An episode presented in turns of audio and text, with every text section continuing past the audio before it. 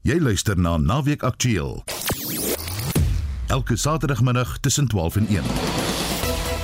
In ons program vanmiddag verkeersdruk neem toe soos wat vakansiegangers die lang pad aandurf. Ons vind uit wat jy kan verwag waar jy ook al reis. Amerika beloof miljarde dollars se beleggings aan Afrika en ons hou verwikkelinge by Nasrek dop vir die jongste gebeure by die ANC se 55ste nasionale konferensie. Baie welkom by Naweek Aktueel. Vandag onder redaksie van Jo Marie Verhoef, ons produksieregisseur Daitron Godfrey en my naam is Anita Visser. Naweek Aktueel, jou naweek nuusprogram op RSG. Die ANC se 55ste nasionale konferensie vind plaas by die Nasrek konferensiesentrum suid van Johannesburg. Die ANC se beleid en nuwe resolusies word tydens die 5 dae lange konferensie bepaal. Die ANC se nasionale uitvoerende komitee en die sogenaamde top 6 leiers word ook by die konferensie verkies. Ons spesialis verslaggewer, Sya van der Walt, woon die konferensie by en ons praat nou met haar. Goeiemôre, Sya. Goeiemôre Anita. Die registrasieproses vir afgevaardigdes het nou vertragings veroorsaak. Wat is die jongste? Maar Anita, vanoggend is daar nog steeds nie almal geregistreer nie. Daar's omtrent so 60 um, van die afgevaardigdes wat nog wag om hulle akkreditasiekaarte te kry.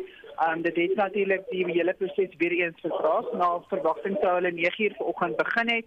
Um maar dit het so kort rukkie gelede het alles nou weer afgeskop. Um dit is geslote sessies, so die adjunkpresident van die ANC, David Mabuza doen sy organisatoriese verslag en daarna gaan die um die tesourier-generaal um Paul Mashafile dan sy finansiële verslag voorhou. So dit is op hierdie stadium wat op die agenda is, maar soos weer eens gesê, die proses was maar 'n bietjie weer eens vertraag vanoggend. Jy sê weer eens vertraag, ons verwag dit elke keer as dit gebeur, maar hoekom? Hoekom die vertragings?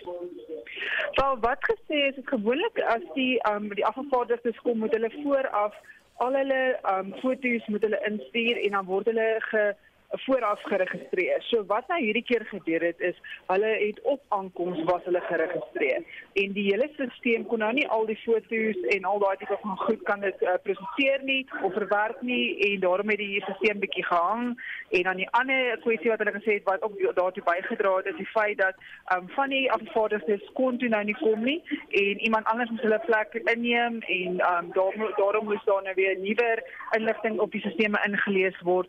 So dit was maar deel deel van die hele um, gehoorlike proses wat aan plaas vind dit wat as jy sê dit gebeur maar elke keer maar hierdie keer was dit nou regtig uh, omtrent 2 dae van 'n uh, van uh, vertragings rondom registrasie self. Saya dan natuurlik die grootste verwagting die verkiesing van die ANC leierskap. Jy het nou jou oor op die grond daar.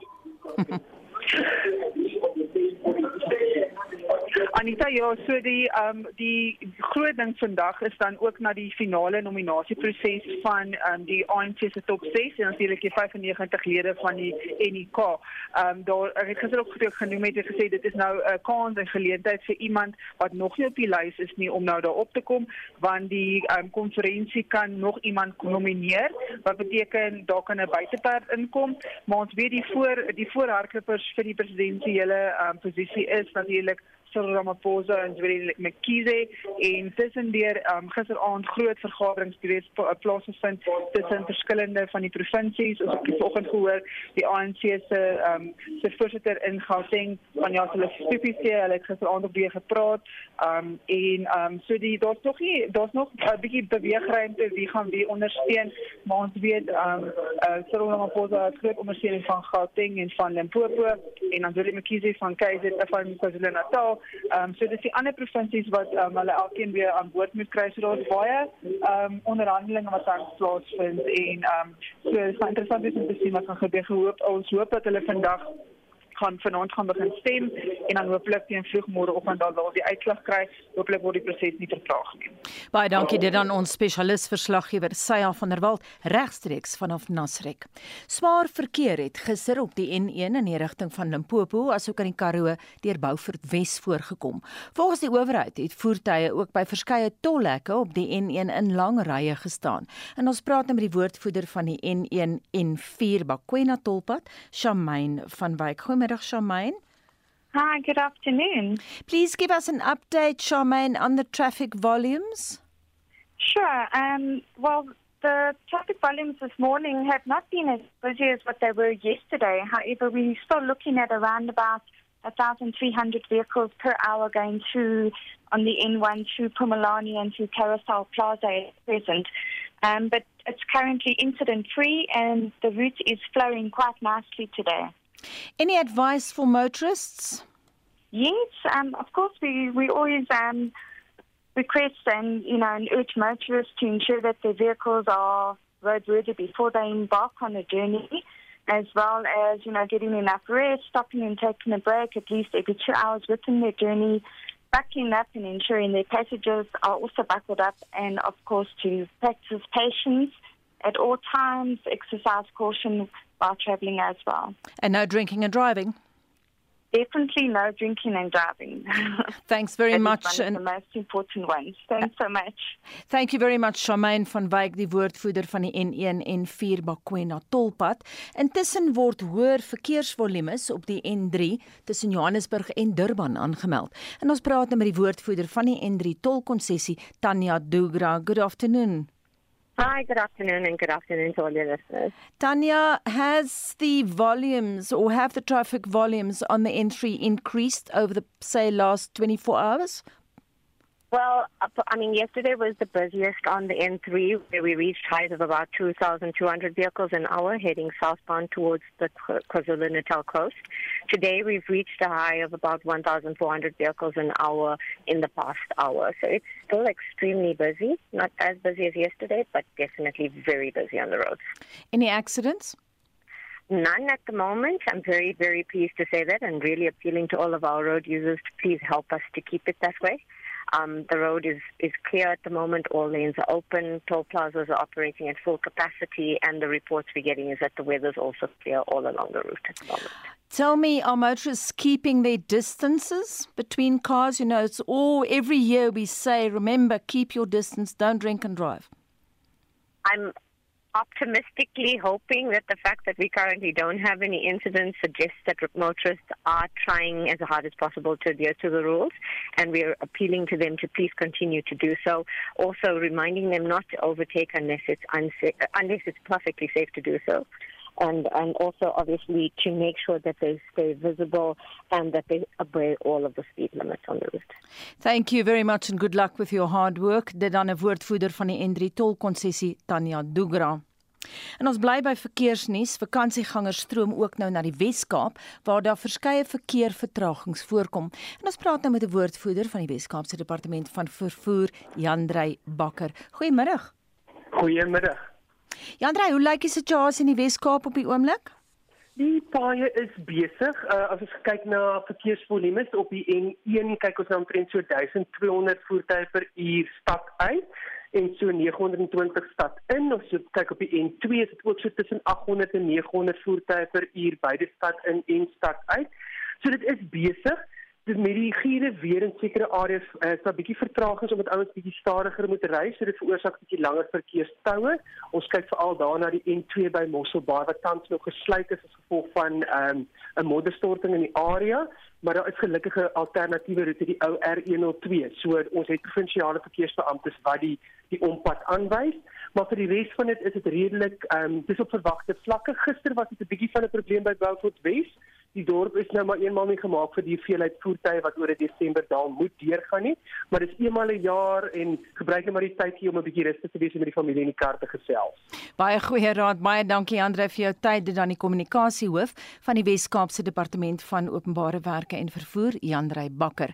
Dis 13 minute oor 12 jy luister na Naweek Aktueel en my naam is Anita Visser.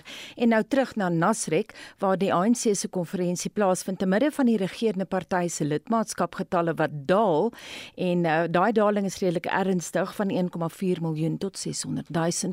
By my in die ateljee vanmiddag is Herman Pretoria se ou bekend hier op ons program en hy is van die Instituut vir Rasse Aangeleenthede in Johannesburg en hy gaan vir ons die gebeure interpreteer en binne 'n groter landwyse konteks plaas. Goeiemiddag, baie welkom en dankie dat jy uh, op 'n Saterdag tyd afgestaan het om met ons te kom gesels. Goeiemôre Anita, dit is baie baie lekker om by jou en die luisteraar aan te sluit. Herman, jy het nou geluister na wat sy alles te sê het, altyd laat, altyd laat, altyd vertragings. Ja nee, ek moet sê dit is nogals ironies as mens dink waar president Ramaphosa begin het. Ons hou so ont, ont, onthou so vaag weg van Buffalo Time, die konsep dat die ANC sal nou 'n bietjie strenger hou by die begin van perskonferensies en so aan. Ongelukkig sien ons dit nie vandag nie. En daarvan gepraat, ons kan nou sommer regstreeks oorskakel na Polemabe se konferensie toe. That is state capture of a special type. Ordinary South Africans cannot be subjected to other things that the ANC is not being subjected to. When there is no electricity, we feel it at Lituli House. When there's no electricity, we at Lituli House also don't have electricity. It doesn't mean that when there is no electricity in Soweto, there's a special arrangement. Because if there could be an exemption, just in fairness to you, if there could be an exemption to us here, it means that even at Lituli House there could be an exemption. You see, this is what gives rise. Um, I, was, I was giving an example. I, was, I, I pointed to Daily Maverick because we are the ones who raised the question. Uh, we don't have any issue against the Daily Maverick, just to place that on record. But you raised the question. So at Lituli House, when people don't have electricity in Johannesburg, we too are affected. Those of you who have come to, to Lituli House for press briefings, you have seen. Sometimes when we do our press briefings, we have got to time them according to the load shedding schedule. Say okay. Ja, die stem daar van Polemabe, dis alles by die ANC se konferensie by Nasrek vandag. Hy praat nou oor elektrisiteit en dis juis op ons lysie Herman dat ons dit moet bespreek. Nou Andre de Ruyter het bedank uh Ramaphosa keuse gewees. Wat sê dit vir ons oor die stand van steen binne die kabinet vir Cyril?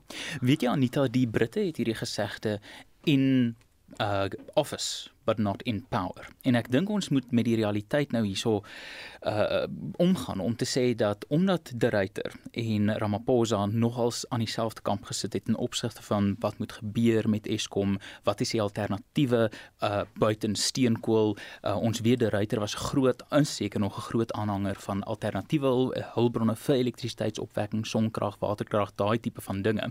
Maar die feit dat hy nou uit die amp verwyder is by Eskom is aanduidend dat Ramaphosa in office is but not in power. Hierdie is 'n aanduiding van die swakheid van sy posisie, want dit is toonaangewend gewoonlik van die invloed van 'n president, 'n eerste minister, kan hulle die mense aanstel wat hulle graag aangestel wil hê. En mens sien Ramaphosa is duidelik gekwes. Hierdie ehm um, die gerugte van sy bedanking 'n paar weke gelede het hom duidelik in 'n swakker posisie geplaas of minstens sy swak posisie onthul. En die feit dat hy nou van De Ruyter basies moes afstand doen is 'n refleksie van sy politieke kapitaal wat binne die kabinet binne die party afneem. Kom ons praat 'n bietjie oor Ramaphosa van binne partygelede is daar openlik teenstand teen Ramaphosa. Sy openingsrede gister is uh, by tye onderbreek en wat die aanloop tot die konferensie betref Herman Kossazana Dlamini Zuma was nie skaam om haar politieke kleure te wys nie en die media het vroeër die week gegis oor die ANC se dreigement om op te tree teen die sogenaamde vier verraaiers wat Dinsdag strydig met die wens van die NK vir die aanvaarding van die Palapala verslag gestem met jou kommentaar daarop. Dit is baie insiggewend as mens gaan vergelyk die uh, druk waaronder president Zuma was destyds met die mosies van wantroue teen hom.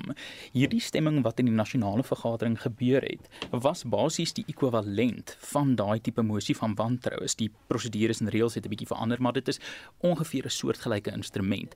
Destyds het Zuma en sy party bestuurders dit baie beter reg gekry om die sweep te klap binne die nasionale vergadering. Ons het enkele afwykings gesien, mense soos Ben Turak wat uit die nasionale vergadering gestap het destyds met daai mosies van wantroue teen Zuma, maar hierdie keer was dit iets drasties anders. En Skoszana Dlamini Zuma wat uitkom en trots en luid haarself opponeer teenoor haar partyleierskap.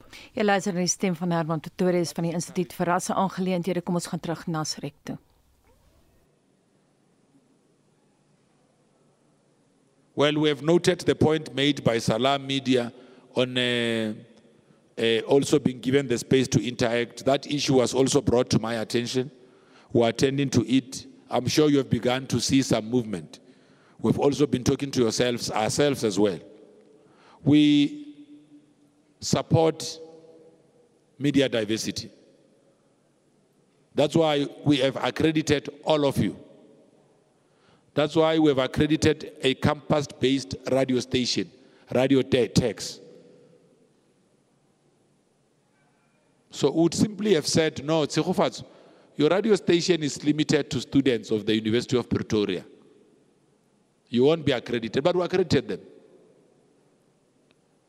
When we do one on ones with the president of the ANC in the past, we even allowed, when we did in, in Limpopo, if I remember, we even allowed community radio stations to come in and talk to the president.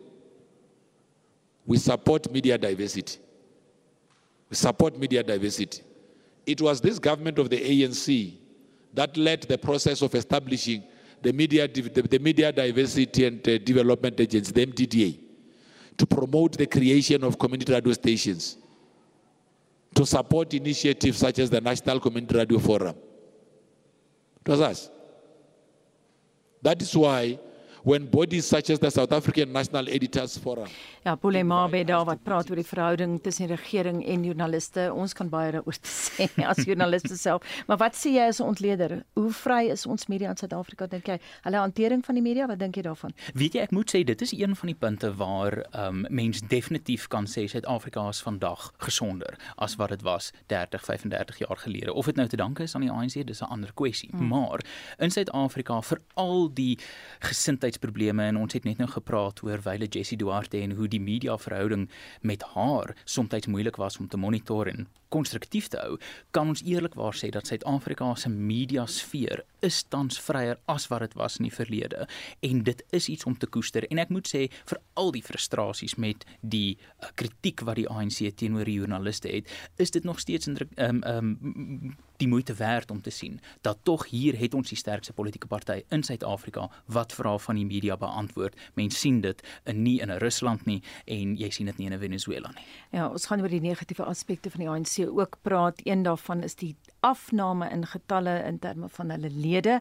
Ons gaan dit later ontleed. Herman Pretorius is die hele program deur sit hy langs my. Ons gaan later praat. So bly ingeskakel as jy wil weet wat die stand van sake in die ANC is. Intussen na buitelandse nuus.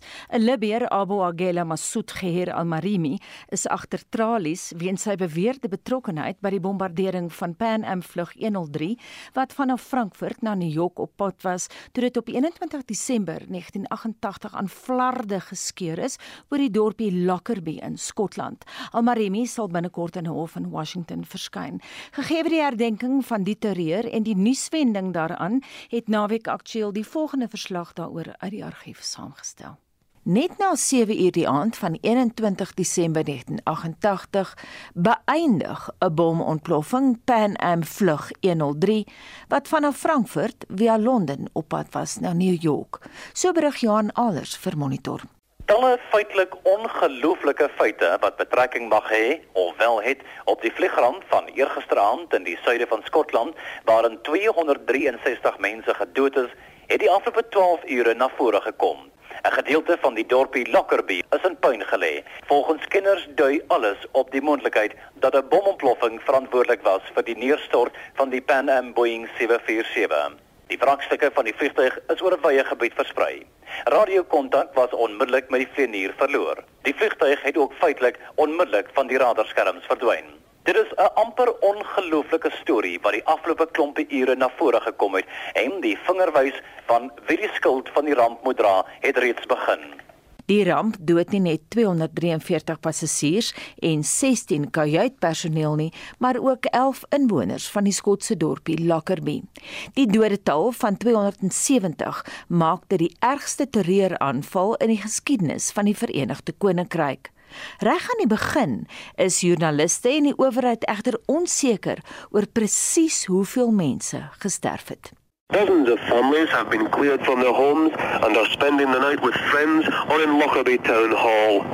The devastation on the southern edge of the town is considerable, with four or five houses razed to the ground and at least three others burnt out and roofless. Many more have been damaged in an area littered with chunks of metal from the aircraft fuselage. Police can't tell how many local residents were killed until they've carried out a full search in daylight, and they haven't said how many people are unaccounted for. It's thought they may even have been casualties when part of the plane struck traffic on a main road. It is known that wreckage from the crash is spread over a wide area, with the cockpit more than three miles away from the town. One suggestion that there might have been a mid-air collision with a military aircraft has been ruled out. Een motoris, Sheila McDonald, vertel kort na die drama haar verhaal aan die BBC. When the aircraft hit, what did you see? I saw something which resembled um, like an atom bomb going off. There was a horrific mushroom of flame with smoke above it. It was just a horrific droning noise. It was very deep and very piercing. And then after that, I just saw with the lights of Lockerbie, the V shape and the nose. It looked like a big aircraft. It was just like a V shape. The main part of the body behind the wings was missing.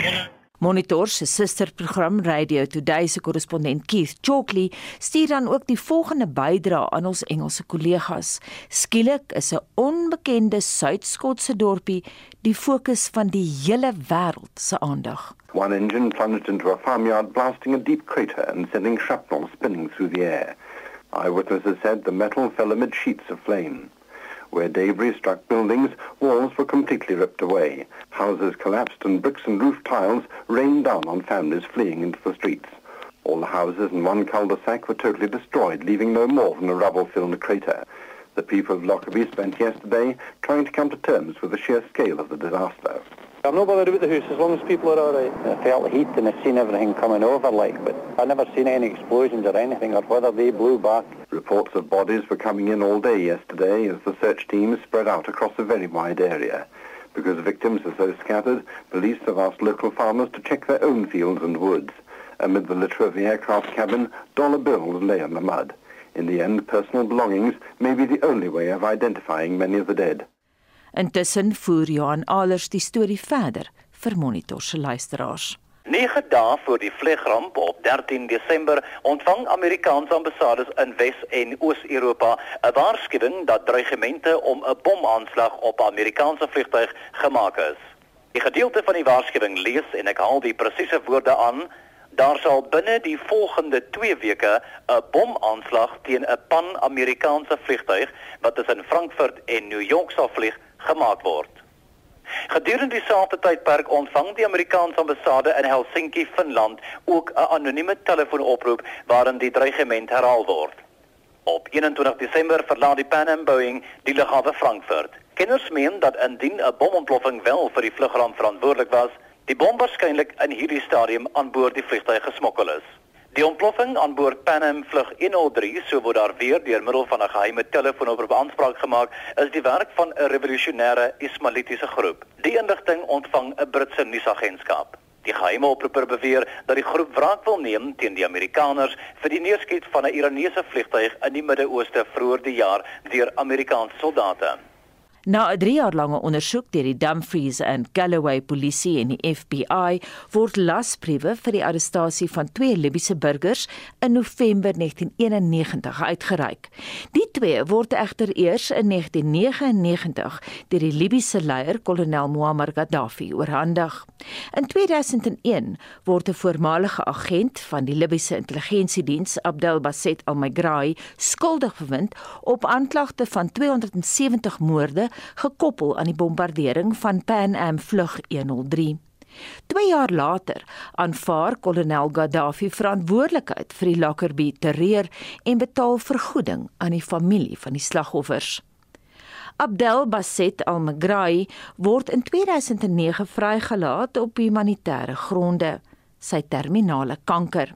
In Mei 2012 sterf hy dan ook in Libië. Daar is egter nog altyd algemeen aanvaar dat Al-Magrai nie alleen verantwoordelik was vir die plant van die bom nie. In 2020 kondig die Amerikaanse owerheid aan dat die Libiër Abu Aguila Mohammed Massoud Khair Al-Marimi, wat 37 jaar oud was ten tye van die terreur, betrokke was daarbey. Hy is egter eers die maand in hegtenis geneem. Die reaksie van die slagoffers se families was onomwonde. This is what we've been fighting for. Laaste woord aan Kara Vibes, president van die organisasie Victims of Pan Am Flight 103. Vibes se broer, Richard Monetti, is student aan Syracuse Universiteit in die deelstaat New York, was een van die slagoffers. En die klank is opgespoor met behulp van Karen de Tooy van die SAIK se radioargief. 12:30 in tyd vir sportnuus met Christo Gawie. Goeiemiddag. Die Sharks het Bordeaux gisteraand in die Heineken Kampioenebeker met 1916 geklop. Die rustuittelling by die Chabane Delma Stadion in Bordeaux in Frankryk was 13-9 vir die Franse span. Werner Kok het die Sharks se enigste 3 kort na rustyd gedruk. Al die Sharks se ander punte was danksy die skopskoen van Cowan Bosch wat geslaag het met 1 doelskop, 1 skepskop en 3 strafskoppe. Die ander Suid-Afrikaanse spanne in die Kampioenebeker kompetisie speel later vandag hulle wedstryde. Die Bulls pak Exeter Chiefs om 3 uur op Sandy Park in Engeland, terwyl die Stormers London Irish om 08:30 in Kaapstad pak. In cricket het Australië Suid-Afrika voor teetyd uitgehaal vir 152 in hulle eerste beurt op die eerste dag van die toets in Brisbane. Die Australiese kaptein, Pat Cummins, het die lood gewen en Dean Elgar se span ingestuur om te kolf. Die Australiërs het vinnig met die Proteas se topkolwers afgereken en het vinnig 4 paaltjies verloor. In nog kriket het Engeland vroeg met 2 paaltjies voorgeloop om Pakistan vandag op die openingsdag van die derde en laaste toets in Karachi met 117 vir 3 voor te hou. Azar Ali wat sy laaste toets speel, is voormiddagete vir 45 deur Ollie Robinson gevang om Engeland 'n suksesvolle eerste sessie te gee. Die kaptein Babar Azam wat die lood gewen het en op 'n plat nasionale stadion veld gekolf het, was onoorwonde op 30. Engeland wat die eerste twee toetse gewen het, het twee veranderinge van die laaste wedstryd aangebring en die paaltjiewagter Ben Foakes en Rian Ahmed in die plek van James Anderson en Will Jacks ingebring. By die 16de FINA Wêreld Swemkampioenskappe in Australië is die Verenigde State van Amerika nou tans heel bo aan die medaljepunteleer met 'n totaal van 24 medaljes, 12 goud, 7 silwer en 5 brons medaljes. Australië is in die tweede plek met 'n totaal van 20 medaljes, 9 goud, 7 silwer en 4 brons. Italië is derde met 'n totaal van 9 medaljes, 3 goud, 4 silwer en 2 brons.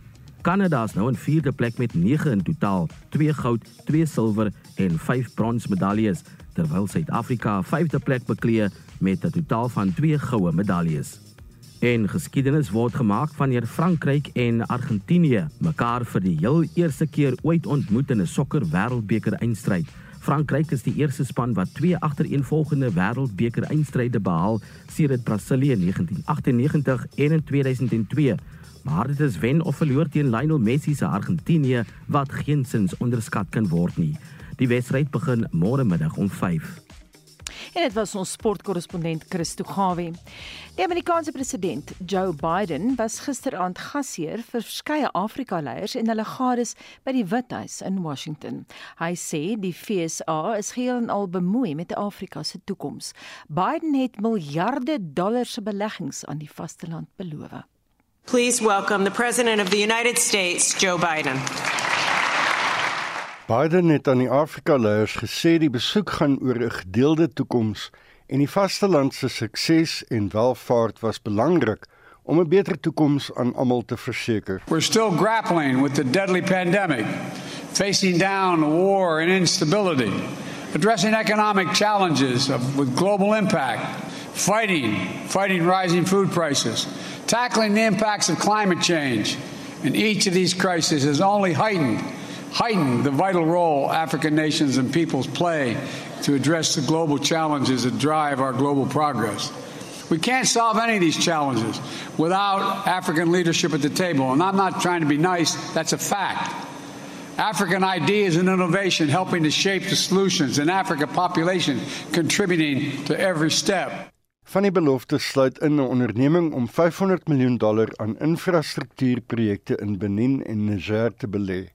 Met 'n verdere 2,5 miljard dollar van die FSA se hulpverleningsagentskap, die Millennium Change Challenge, 370 miljoen van die International Development Finance Corporation wat aan energie- en landbouprojekte bestee sal word, en dan ook miljarde wat aan die digitale ekonomie bestee sal word. This MOU will unlock new opportunities for trade and investment between our countries and bring Africa and the United States even closer than ever.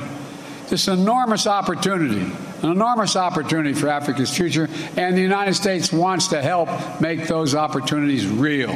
Biden het die leiers herinner dat die G7 onderneem het om 600 miljoen dollar aan infrastruktuurontwikkeling te bestee. Die Sakeforum het ook 15 miljard vir nuwe handelsooreenkomste met Afrika gegee. Today's announcement joint join a portfolio of partnership for global infrastructure investment projects already underway in Africa, including mobilizing $8 billion in public and private finance to help South Africa replace coal fired power plants with renewable energy sources and develop cutting edge energy solutions like clean hydrogen. A deal worth $2 billion to build solar energy projects in Angola $600 million in high speed communications cable that will connect Southeast Asia to Europe via Egypt and the Horn of Africa and help bring high speed internet connectivity to countries all along the way. Ander sake wat egter bespreek word, is goeie regering, demokrasie en respek vir menseregte en die oppergesag van die reg. Dan word daar ook oor veiligheid en militêre sake gepraat soos die al hoe groter bedreiging wat nie staatsprotagoniste inhou. Hierdie bydra van Sherman Price Peace in New York En ek is Hendrik Martin vir SAK nuus. Terug na Nasrek waar die ANC se konferensie plaasvind te midde van die regerende party se lidmaatskapgetalle wat gedaal het van 1,4 miljoen tot 600 000. By my in die ateljee is Herman Pretorius van die Instituut vir Rasse Aangeleenthede. Groot afname in getalle en ons het ook gesien 'n interessante uh tussenverkiesing. Praat gepraat nou van die dalende getalle. Praktiese voorbeeld is miskien Woensdag se tussenverkiesing by Dietsobotla. Dis nou in Noordwes waar die ANC slegs 39,82% van die stemme kon trek. In 2011 Herman het die party daar op 77% gestaan, geleidelik begin swakker vaar. Hm. Is hierdie 'n toonbeeld van wat ons kan verwag elders in die land. Ek dink nogal so. Die probleem wat uh, die ANC tans mee sit en hoekom um, hierdie verkiesing van die leierskap nou so belangrik is, is mense wil vra, kan die party nou 'n oorgang maak na die volgende basies episode of periode van sy bestaan. Hy het begin as 'n burgerregte organisasie, toe 'n vryheidsbeweging, toe 'n dominante regering. Nou is ons in 'n tydperk waar sy dominansie onder druk is. Die kiesersgetalle en die ledegetalle dui aan dat hierdie nie 'n party is wat groei nie, kan hulle hierdie nuwe era van minder dominansie bestuur.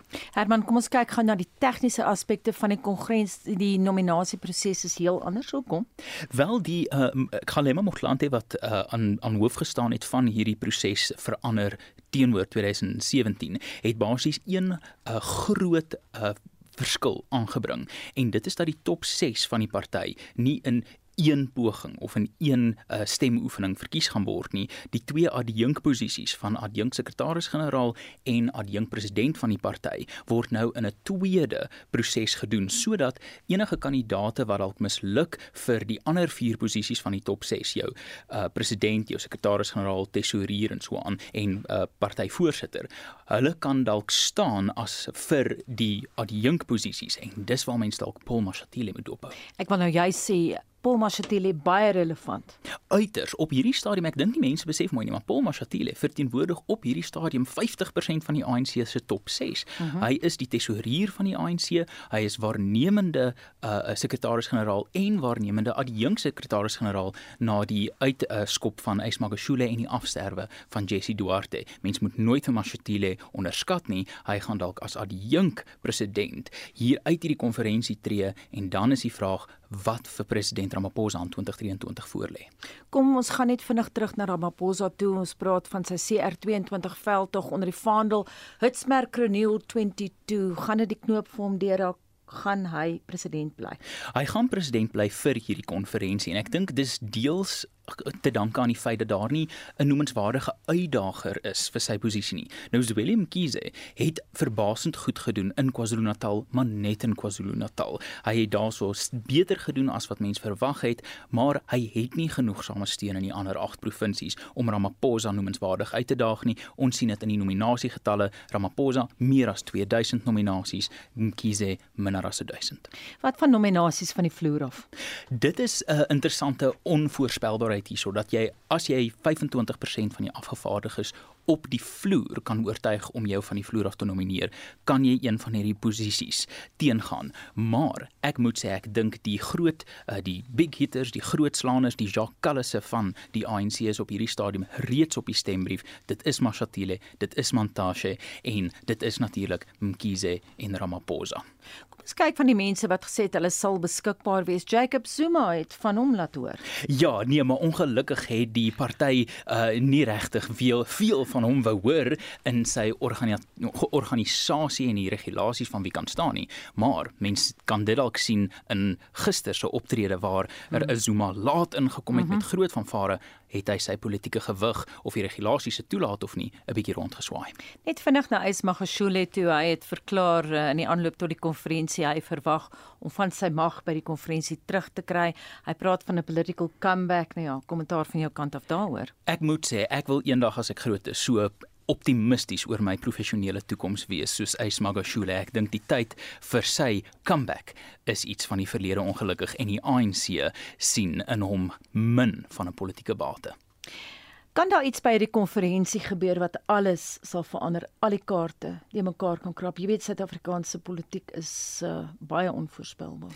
Dit is moontlik. 'n uh, Mens kan kyk Ramaphosa het nou al twee keer na gerugte probeer bedank. Mens kan dalk in 'n situasie sit waar die stryd tussen hom en Mkhize so taai, so vuil word dat Ramaphosa dalk weer sy selfvertroue verloor soos wat hy 'n paar weke het. Ek dink dit is onwaarskynlik, maar dit is nie heeltemal onmoontlik nie. En as Ramaphosa aankondig hy tree terug, dan verander dinge grootskaals. Baie dankie dit aan Herman Pretorius van die Instituut vir Rasse Aangeleenthede in Johannesburg. Die afgelope Woensdag was dit presies 50 jaar gelede dat die ruimtevader Neil Armstrong op besoek aan Suid-Afrika was. Tydens die besoek het hy die media toegespreek oor NASA se toekomstige planne wat 'n reis na Mars toe sou behels. Naweek Aktueel het die klank in die argief opgespoor en ook met Raoul Hodges, direkteur van die Nasionale Ruimteagentskap, gebaseer by Hartbeespoort gepraat oor Suid-Afrika se betrokkeheid by die Amerikaners se huidige Artemis projek. Die program poog om 'n vrou teen 2025 op die maan te plaas. Our next major unmanned project is called Viking. It's a landing craft to go to Mars and should be launched in 1975, arriving in 76. And of course, that and its results in conjunction with those of the Mariner probe. We've been seeing our first really good pictures of Mars just this past few months. Those will form the basis on which some decision in the future would be made for a possible manned expedition. It's true the unmanned craft are significantly less expensive, but they get far less information. One might reasonably compare our lunar programs, let's say uh, the Surveyor spacecraft, with the Apollo program and its costs. One will see, of course, that Apollo cost far more, but the scientific results orders of magnitude larger. Dit dan die stem van Neil Armstrong en die klank strek terug na 'n media-konferensie in Desember 1972, terug na die hede en NASA se Artemis-program. Die besturende direkteur van operasies by die ruimtegrondstasie Hartbeespoort in Gauteng, Raoul Hodges, sê Suid-Afrika is ten nouste betrokke by die projek. Hartbeespoort het ontstaan in 1962 tot die feit dat NASA die ruimteprogram aangekondig het om 'n man op die maan te sit.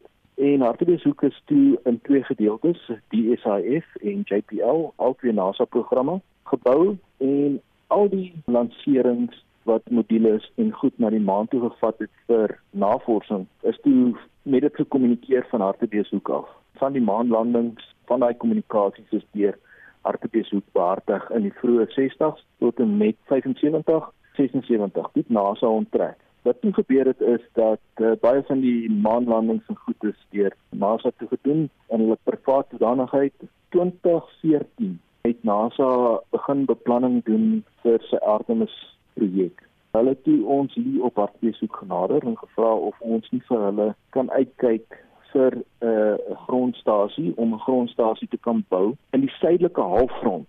Die grondstasie moet aan hierdie sekere standaarde voldoen. Dit gaan oor die weer, waar sy geleë, toegang tot vesel, toegang tot krag, toegang tot 'n hawe, toegang tot 'n lughawe nie te ver uit die dorp uit nie of nie te ver uit die beskawing uit nie sodat ons mense kan kry om te werk.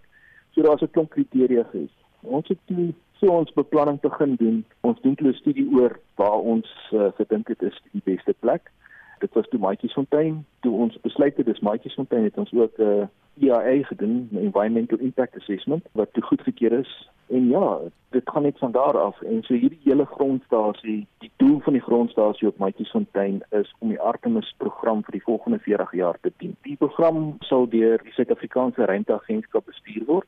So die bou van die grondstasie sal ook deur Suid-Afrika gedoen word. Die antenna sal heel waarskynlik in Amerika gebou word en dan vervoer word na Suid-Afrika toe. En die enigste betrokkenheid van die Amerikaners is om die antenna dan op te sit en te bou. Die operations of die bestuur van die grondstasie sal deur Suid-Afrika behartig word en Suid-Afrikaanse personeel. Die fokus is Artemis. Artemis se fokus is om in 2025 weer mense op die maan te sit en dan verder van daar af Mars toe te kan gaan idee om direk Mars toe te gaan was 'n goeie idee, maar dit lyk my dit is makliker om eers maan toe te gaan en dan die maan gebruik as 'n basis en van die maan af Mars toe te gaan.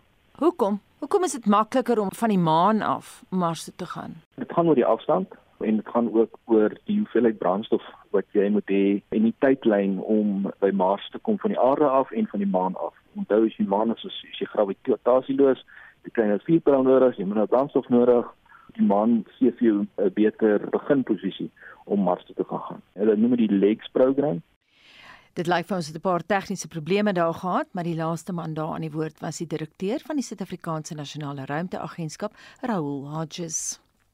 Dis nou 12:46 jy luister na Naweek Aktueel en my naam is Anita Visser langs my sit uh, Herman Pretoria. Herman, ons praat 'n bietjie oor die Nasrek gebeure. Ons het gepraat oor die top 6 en jy het gepraat oor uh, Paul Mashatile wat tans 3 van die 6 posisies beklee. Sê gou weer vir ons wat is dit? dit is Hy is die tesourier-generaal, ja? uh, waarnemende sekretaris-generaal en, en adjunk. Ja. So hy het redelik baie mag. So ons gaan Paul Mashatile besien beweeg na 'n belangrike posisie in die toekoms. Dink jy ons sien hom ooit dalk as president van Suid-Afrika? Op hierdie stadium dink ek um hy het die beste kans om die ANC in die 2024 verkiesing in te lei. Ek dink nie Ramaphosa het die wil of die kap politieke kapitaal om te bly nie en Mashatile is 'n taktikus en 'n strateeg van nogals indrukwekkende proporsies. Hy het nie daai drie rolle per toeval gekry nie. En as mens nou vandag sien en gister kyk, Ramaphosa en sy span het 'n probleem met die taktiek van politiek. Hulle moes besef het dat die vloer is 'n geleentheid vir 'n aanval op sy gesag en Mashatile begryp daai tipe nuance.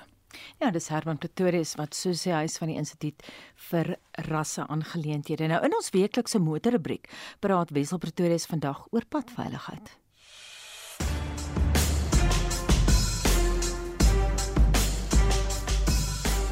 Verlede week het Rob Hanfield Jones, die bestuurende direkteur van driving.co.za, onder meer gepraat oor verdedigend bestuur, die belangrikheid van die flikkerlig en die risiko's verbonde aan bestuur in die nag.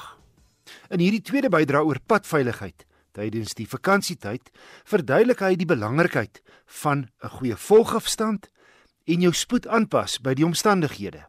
Die hele probleem met spoed is as jy jou in 'n posisie plaas waar jou spoed nie gepas is vir die toestande nie of waar daar 'n baie skielike spoedverandering as gevolg van padomstandighede of verkeersomstandighede kan kom. Byvoorbeeld as mense te naby volg en hier kom die volgafstand in die prentjie in. Almal ry op 'n snelweg teen 120, maar hulle ry te naby. So die eerste ou skrik bietjie of hy verloor konsentrasie of soos deesdae waar die geval is, hy is besig om met sy toon te peter en hy kyk nie wat op die pad aangaan nie en daar's 'n spoedvermindering die eerste, tweede, derde, vierde motors wat agter hom ry kan dalk daarvoor voorsiening maak, maar daar's hierdie aangaande spoedvermindering. Dan kom jy op 'n punt as gevolg van die gebrekkige gevolgafstand dat die spoedverskil tussen sien maar die 5de kar wat reeds al spoed verminder het en die 12de of 13de motor wat heel agter is wat nog 120 doen, 60 of 70 km/h kan wees. En dan kom jy op 'n punt waar dit net nie fisies moontlik is om betyds stil te hou nie. Al het jy sluit deur remme, al het jy die beste pad op verslagte en die beste motor in die wêreld, dit is net nie fisies moontlik nie. So spoed ten opsigte van Kruispaaie is baie belangrik. As jy nie sigbaarheid by kruispaaie het, verminder jou spoed om meer tyd en ruimte vir jouself te skep. En as jy om draaie gaan, maak seker dat jy jouself heelwat Engels praat hulle van margin for error los. Met ander ja. woorde, moet nou nie teen 110% in die draai ingaan nie. Want die geringste ding, 'n klein oliedruppel op die pad of 'n motor wat effe oor die sperstreep is, 'n bietjie grys wat op die pad lê, kan dan jou Moses wees. Rob en dan sien 'n mens gereeld dat daar 'n uiters gevaarlike ding op ons enkelpaaie plaasvind en kyk dis goed en gaaf wanneer 'n voertuig of 'n stadige vragmotor vir jou aftrek in die geelstreep. Maar sodra jy verbysteek en jou regterwiele gaan oor die middellyn, dan ontstaan 'n potensieel dodelike situasie. Ja, dit is. Maar kom ons praat gou oor die gebruik van die geelstreep om uh, ander vinniger motors te laat verbygaan. Dit is nie onwettig nie, 'n mens mag dit doen, maar daar is sekere voorwaardes. Nommer 1, dit mag nie tussen sonsondergang en sonop gebeur nie, so met ander woorde, mens kan dit nie snags doen nie wat heeltemal sin maak. En die belangrike is dat jy ten minste 150 meter se sigbaarheid voor jou moet hê as jy gaan oorbeweeg en waarskynlik sal dit ook van toepassing wees op iemand wat verbysteek. So al skuif sit maar 'n vragmotor in die noodbaan in om jou te laat verbygaan, sou dit verstandig wees om seker te maak jy het genoeg sigbaarheid voordat jy probeer verbygaan. As 'n mens gaan kyk na wat is die sterkste koers van tromp op botsings, sal 'n mens duidelik agterkom dat dit nie 'n goeie idee is om enigstens jou voertuig in posisie te plaas waar jy in 'n tromp op botsing betrokke kan wees want jou kanse vir oorlewing is so klein. So nie net as jy op die geelstreep verbygaan nie, maar enige plek waar jy nie sigbaar is van wat voor aangaan. Byvoorbeeld by 'n blinde hoogte, blinde draai, by kruispaaie, moenie die risiko waag om aan die verkeerde kant van die pad te wees want jy weet nooit wat van die ander kant af kom. Net 'n ander ding oor die geelstreep, ons sit met hierdie gekompliseerde situasie dat jy dikwels ook voetgangers en fietsryers in die geelstreep area kry. Die ja, maar ook eh, 'n motor wat gaan staan het. Onthou daar is 'n noodbaan.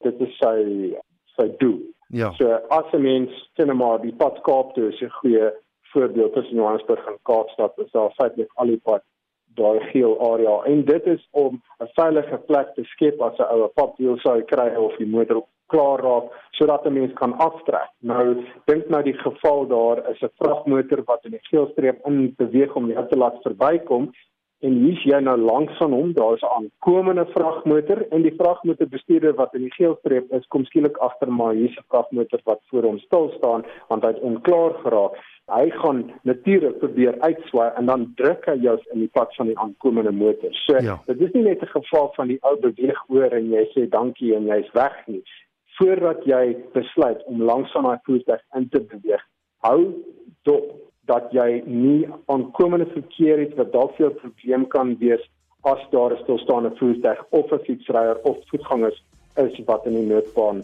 die voertuig wat uit jou pad uit beweeg het, se vordering kan belemmer.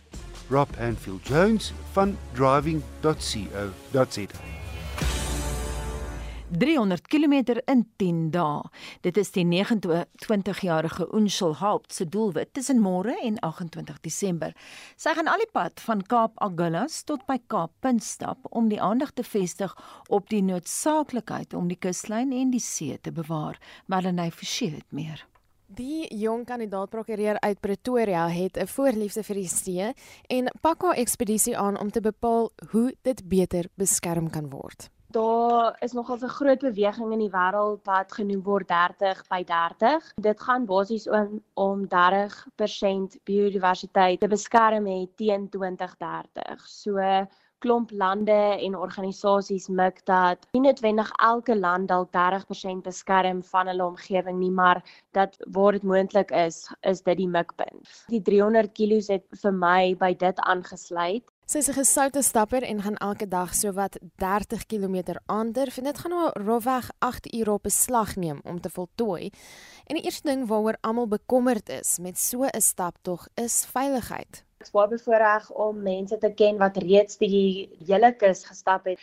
So hulle het my in kontak gesit met Trackbox. Dit is 'n ongelooflike organisasie wat kontakte langs die kus het en hulle het my op hulle app gelaai en hulle gaan basies elke uur by my incheck en seker maak ek is okay. Daar's 'n span van 4 mense wat oor my gaan kyk die hele tyd wanneer ek gaan stap. Daar's gelukkig 2 mense wat die hele pad saam met my gaan stap. Sy nooi mense van die gebied uit om saam met haar te stap en hulle kommer en stories van die onderskeie kusgebiede te deel.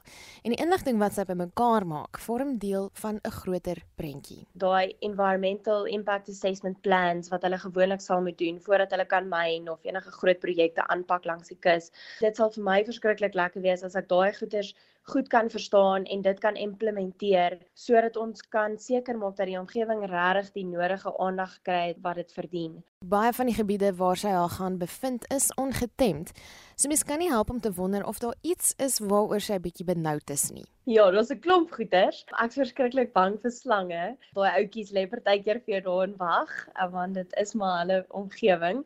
En um bobbejane, daar by Rooi El se kant, veral daarso waar die klipperige gedeeltes in die berge en die kraans en die goeters is. En wat eet mens op so 'n staptog? Biltong, neute, vetterige kosse sodat jy daai energie en goeters het terwyl jy stap. Oggende sal ek gewoonlik soos 'n oats en 'n koffie doen. Middagete, jy beselmaal of provitas, kasies. Uiteindelik kom dit anders neer op 'n onblusbare liefde vir die see. Ek dink regtig daar is ongelooflike geheime en goeders wat ons nog kan ontdek in die see en ek dink net dit is regtig 'n onuitputbare bron wat vol ongelooflike diere en spesies is wat ek voor baie lief is en omgee en dit sal hartseer wees as ons nie eers dit kan beskerm nie. So dit is my belangrik dat ons dit beskerm en bewaar tot die verste wat ons kan. En wat is 'n stap tog sonder 'n liedjie om die reis mee aan te pak? Kersfees in Kampala is soos 'n baie spesiale liedjie. Ek weet nie hoekom nie, maar altyd as ek langs die kus is, dan luister ek na dit, die hele storie wat hulle vertel oor hierdie liedjie. En die avontuur waarop hulle was in Kampala, dit is net dit is so mooi.